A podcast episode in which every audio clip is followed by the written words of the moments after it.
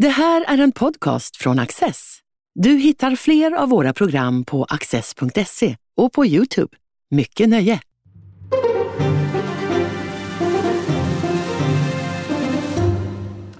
Välkomna till säsongens första Studio Access. Eh, jag tänkte att vi skulle börja på det nya året med att titta ut i världen och våga ta de lite bredare greppen och de breda perspektiven.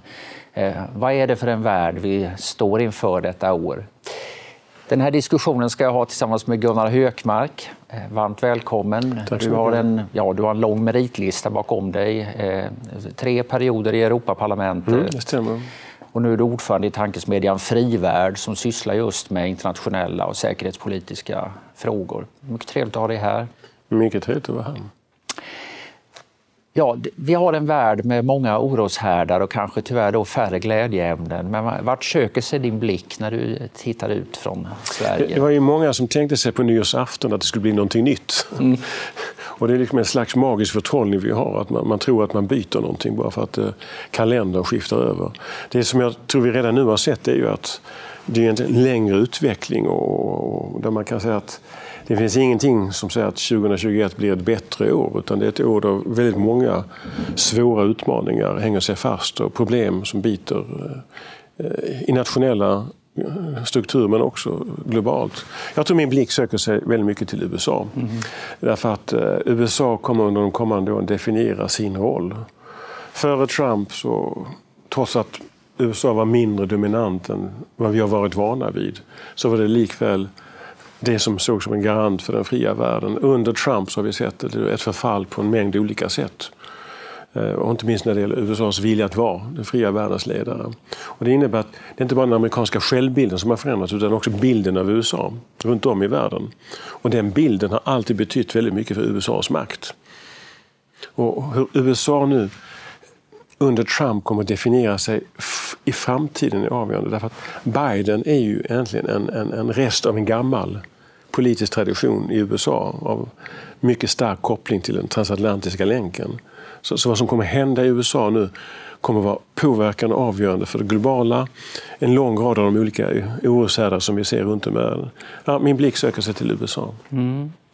Och hur tror du att synen kommer att vara på Europa till exempel? Jag menar, Biden var vicepresident under Obama och redan under Obama talade man om att ett, ja, ett eh, svalare intresse för Europa i Washington och att man talade om den här med en rörelse mot eh, Stilla havsregionen istället. Ja.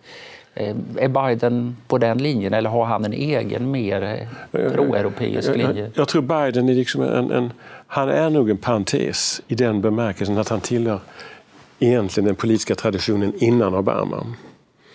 Och, och, och det är på något sätt både farligt och en möjlighet för Europa. Det är farligt om vi tror att nu är det så här det kommer att vara. Men det är en möjlighet för Europa att visa att vi kan vara en, en god partner. Att, att att USA behöver oss och inte bara vi säger att eh, vi behöver USA. Men mycket enkelt uttryckt kan man säga att Europa behöver USA för att hantera Ryssland. Men om vi tittar globalt så ser vi att USA behöver Europa för att kunna hantera Kina och en lång rad andra stora globala utmaningar. Och det, då, det gör att vi kan inte sitta fast i en bilateral agenda där motsättningarna eller skiljelinjerna mellan USA och Europa är avgörande utan lite grann hur vill vi tillsammans tackla den fria världens utmaningar. Det är ju en del som menar att eh, Europa inledde det här nya förhållandet med Biden väldigt olyckligt genom att skriva på ett eh, investeringsavtal med eh, Kina precis före årsskiftet.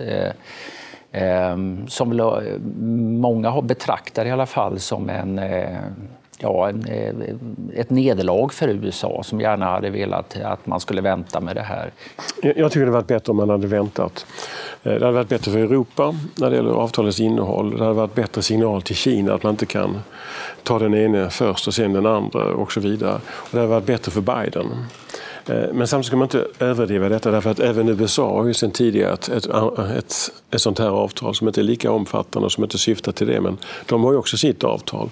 Så, så att eh, olyckligt och fel. Och det var väldigt, väldigt mycket tror jag, på att eh, tyskarna, Tyskland och Merkel ville liksom få i land det här av, mm. av en mängd olika skäl.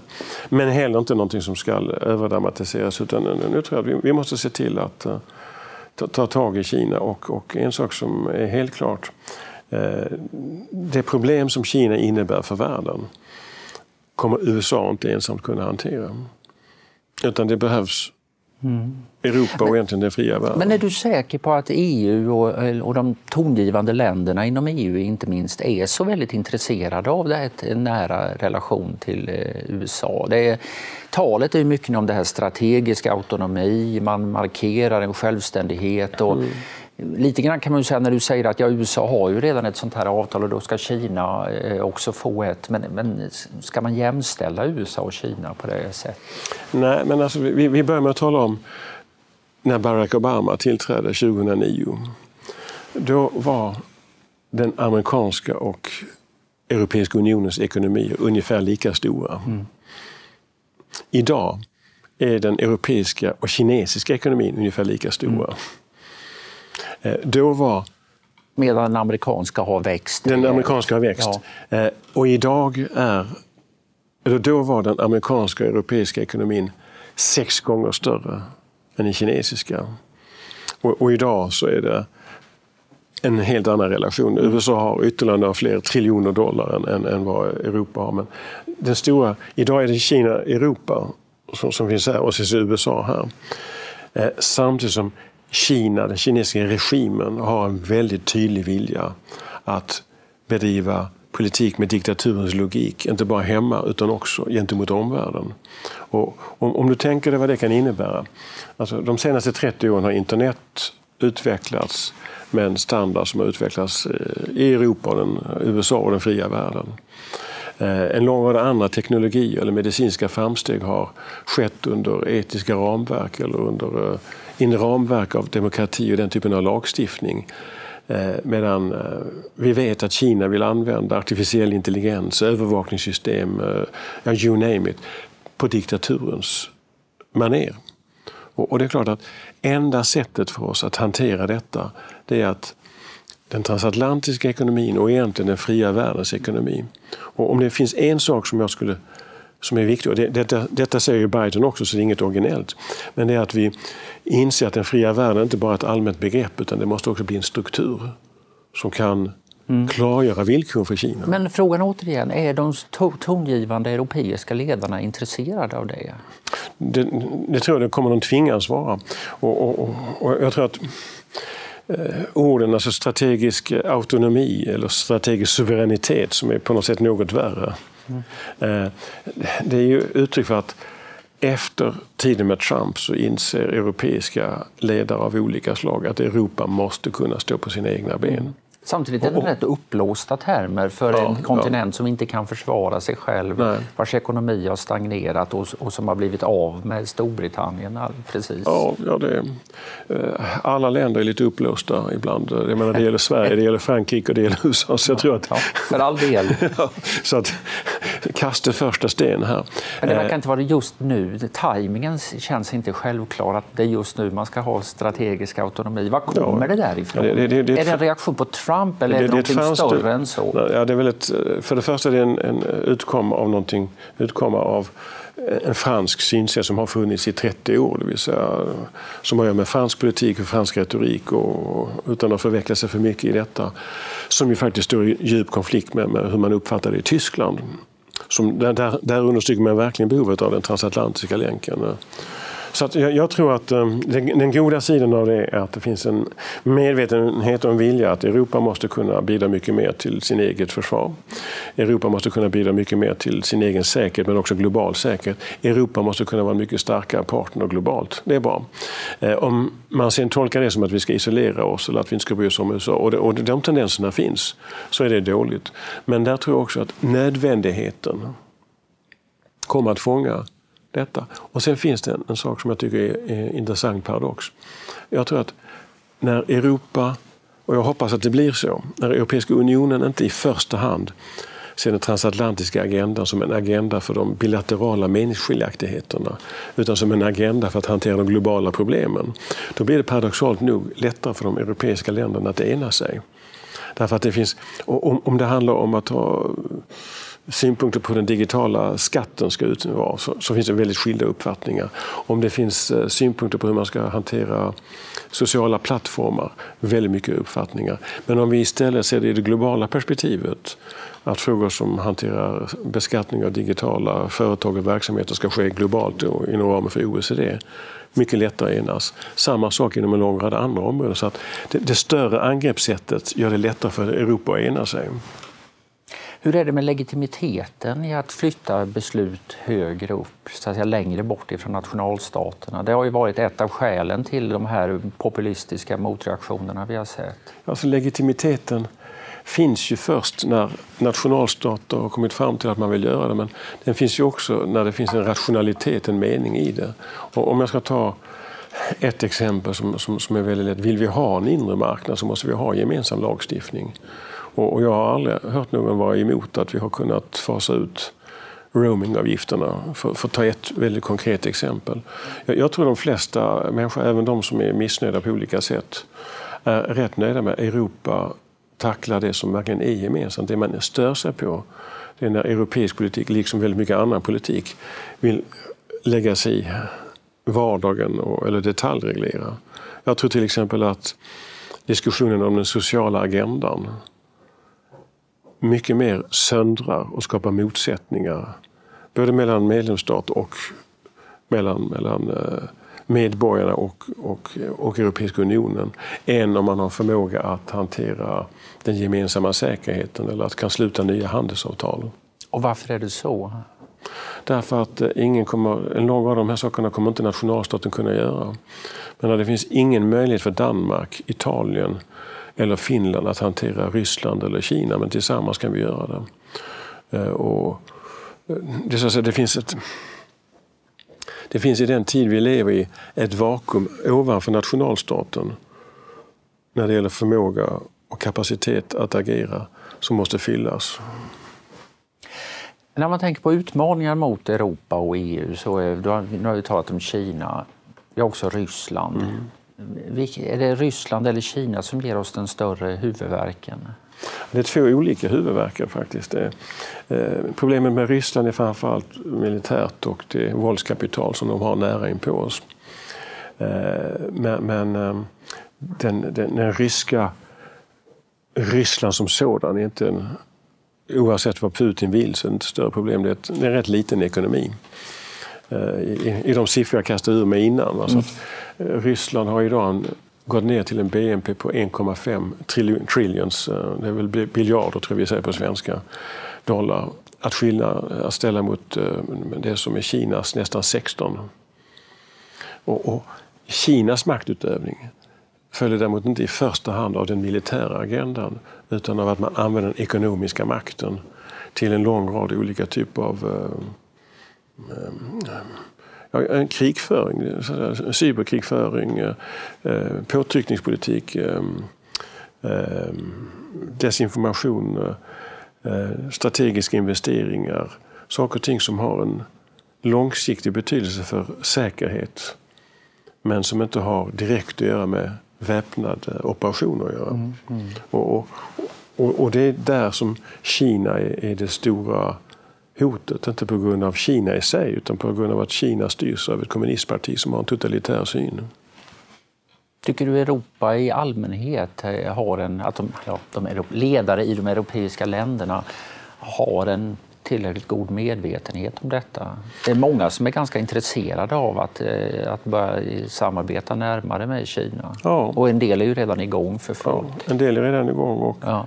jag, jag, tycker att, att, eh, med risk för att det blir cirkelns kvadratur, att vi måste göra både och. Eh, vi ska inte medverka till att det blir två skilda ekonomier i världen, två skilda internet och så vidare.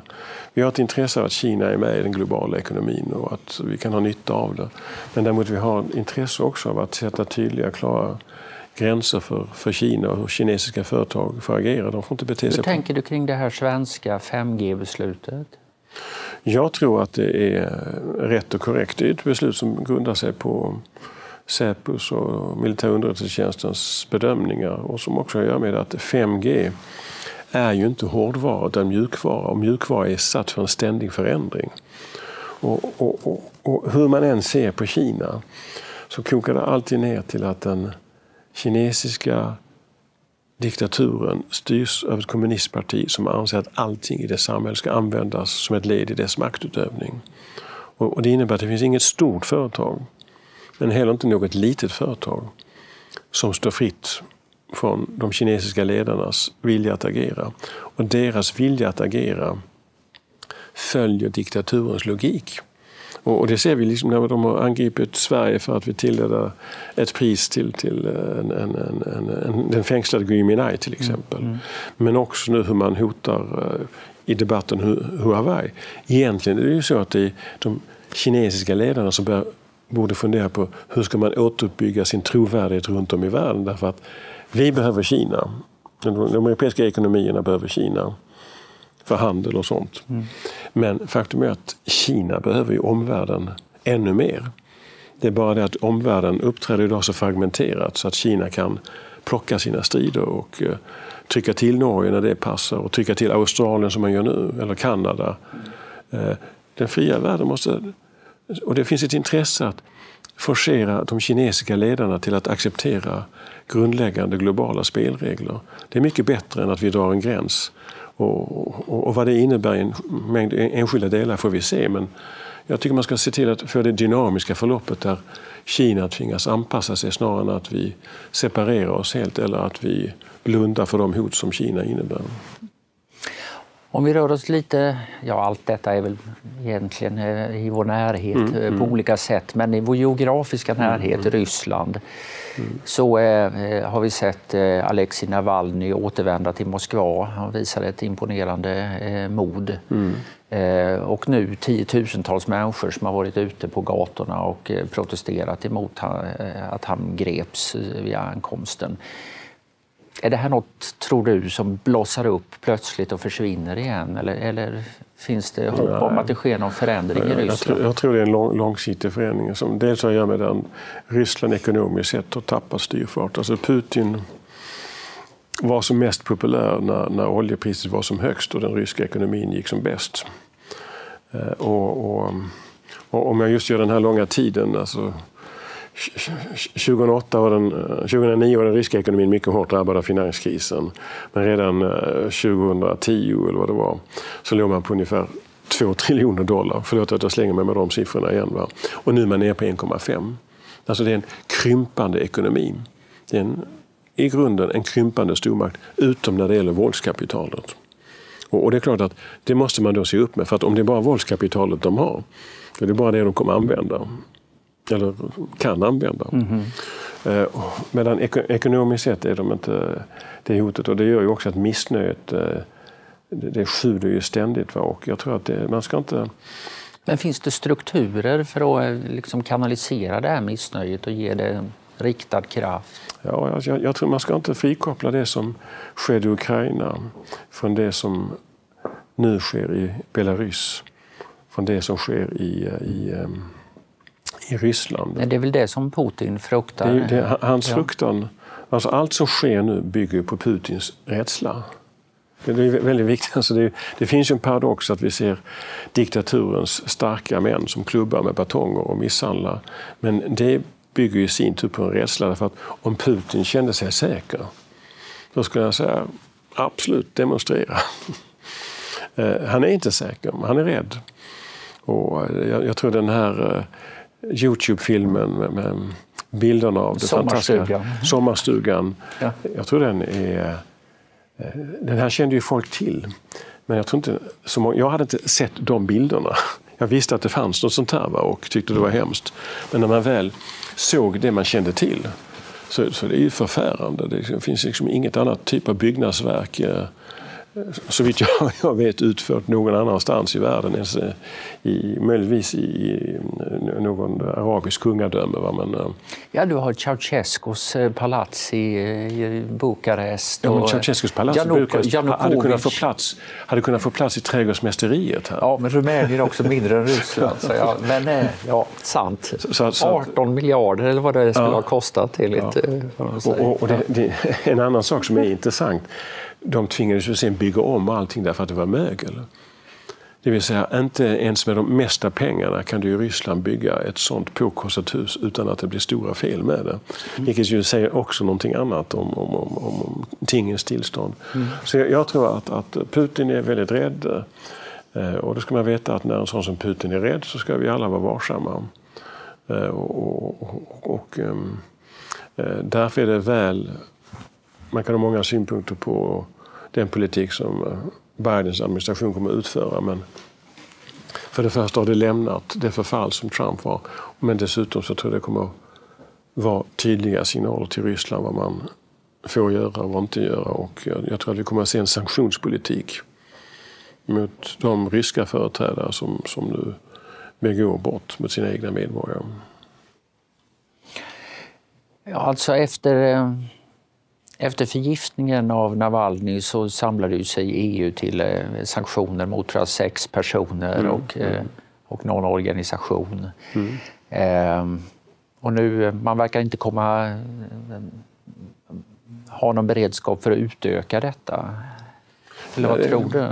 Det, det, har man väl. Jag tror det kommer komma. Alltså nu kommer diskussionen om... EU har ju till slut antagit en Magnitsky-lag. Den kallas mm. inte Magnitsky-lag i Europeiska unionen. Men, den kallas, heter det bokstavligen i ett antal av medlemsländerna och även i Storbritannien. Och jag tror att eh, den kommer att användas nu. Eh, sen är det ju, men du har ju rätt i det att i Italien finns en annan syn på Ryssland. Eh, ibland vill Macron omhulda Ryssland eller Putin på ett annat sätt än vad vi är vana vid. Vi vet inte hur nya Tyska regeringen ja, Man får ju känslan att det här, du, du pekar på det militära hotet och att det egentligen är grannarna, grannländerna som verkligen upplever det in på ja. bara skinnet. Eh, medan man är betydligt mer relaxad inför Ryssland ja. i Frankrike, Italien, Spanien. Ja, för det, det, det, ligger längre bort. Och ja. Sen är väl Tyskland ett särskilt kapitel i detta därför att eh, i Tyskland finns det på djupet en vilja att, att eh, inte ha en konflikt med Ryssland som som har förklarliga skäl inte bara för, för, för krigets elände och, och, vad som drabbade ryssar, som, som många tyskar idag fortfarande känner att det var fruktansvärda övergrepp. Men också tyskarnas egna erfarenheter från detta. Det, menar, det sitter väldigt djupt. Eh, medan eh, Frankrike mer präglas av att man är lite längre ifrån. Portugal eller Spanien eller Italien, man är, man är längre ifrån. Man ser inte det hotet så tydligt som vi ser det. Eh, vilket till en del också beror på att Rysslands hot under efterkrigstiden, eller kalla kriget, det var europeiskt och det var på det viset hela Europa. Idag är Rysslands hot projicerat framförallt Östersjön, Arktis, vår del av mm, mm. världen.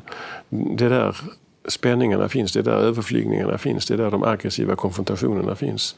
Lite grann utanför Storbritannien också faktiskt, men, men, eh, men, men det har den kanten av Europa och det präglar inte politiken i mm. Italien. Men, eh, jag sa inledningsvis att vi skulle ta de breda eh, mm. penseldragen, så nu rör vi oss hastigt här mm. genom mm. rummet just till Storbritannien. Mm. mm. Eller rättare sagt konsekvenser av det brittiska utträdet ur EU.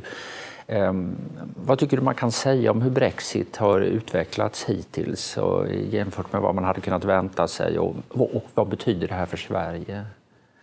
För Sverige finns en mängd olika negativa saker. Dels för det uppenbara, eller svensk ekonomi och, och brittisk ekonomi.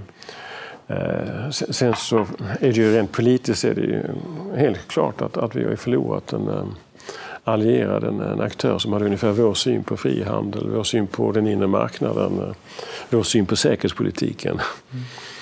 Eh, vår syn på den transatlantiska kopplingen.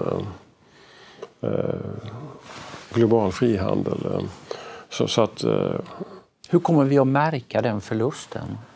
Vi, allra bäst är om vi inte märker den alls. Ja. Och, och, och jag, jag, menar allvar med det. Jag menar, du, det här uttrycket att eh, nu gäller att vinna Finlands, Finland åter inom Sveriges gränser. Det vill säga när, eh, det formulerades var för att vi hade förlorat Finland och istället för att försöka återvinna Finland så skulle vi göra eh, så mycket bättre i Sverige.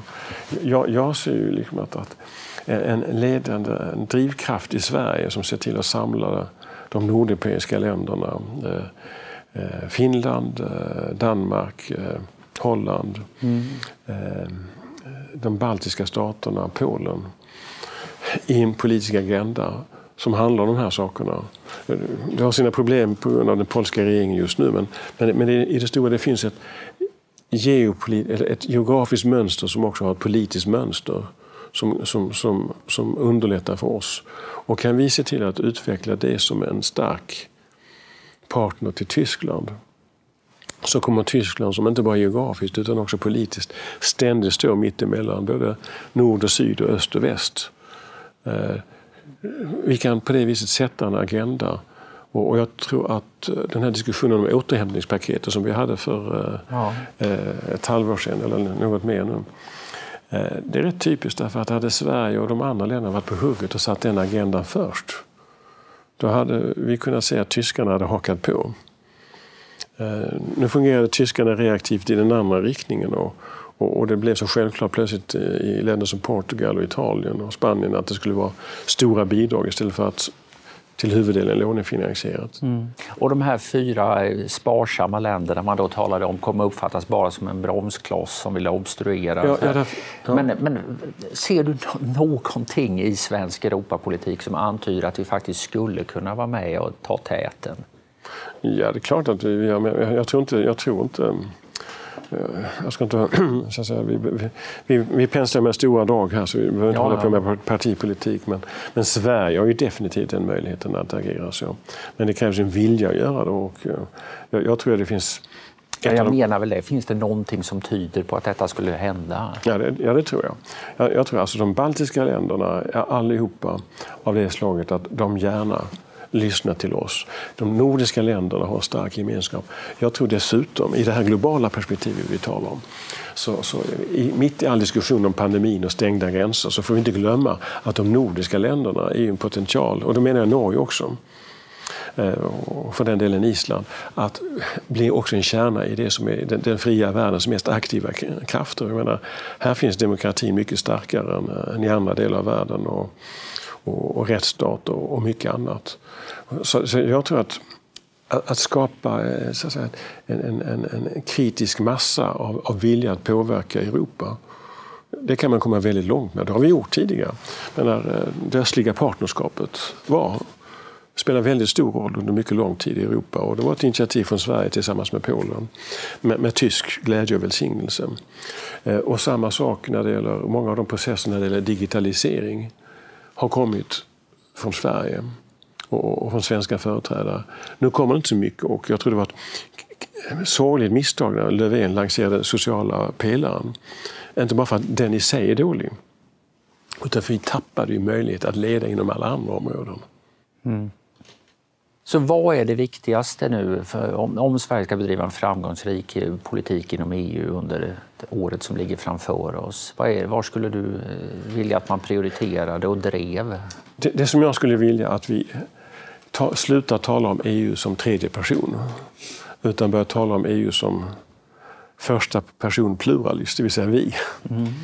Och inte hålla på att diskutera vad vi tycker om det här djuret utan tycker om vad vill vi uppnå. Att vi får en resultatorienterad Europapolitik eller en resultatorienterad politik där EU är en viktig plattform. Och det handlar om Ryssland. Hur ska vi hantera rysk påtryckningspolitik? Hur ska vi hantera rysk energipolitik? Hur ska vi hantera eh, ryska säkerhetspolitiska hot? Ja, rätt många av dem ligger under nivån av det, det, som är det militära. Alltså Nato är Europas försvar när det gäller all, all militär struktur. Men under det så har vi en lång rad andra typer av hot som vi måste kunna möta och där är EU en självklar sak. Att kunna hantera Kina kommer inte Sverige kunna göra och det kommer heller inte Tyskland kunna göra. Men, men, men tillsammans kan vi göra det. Och, och, när det gäller den europeiska ekonomins dynamik, vi, vi pekar just tidigare på att eh, Europa har tappat i förhållande till USA väldigt mycket under de här åren sedan 2009. Det är klart att ska vi få en drivkraft i den europeiska ekonomin så är det för Sverige viktigt att Tyskland reformerar. Alltså, svensk ekonomi mår bra av ett dynamiskt tyskt nytt under. Men det gäller också Italien eller varje annat land.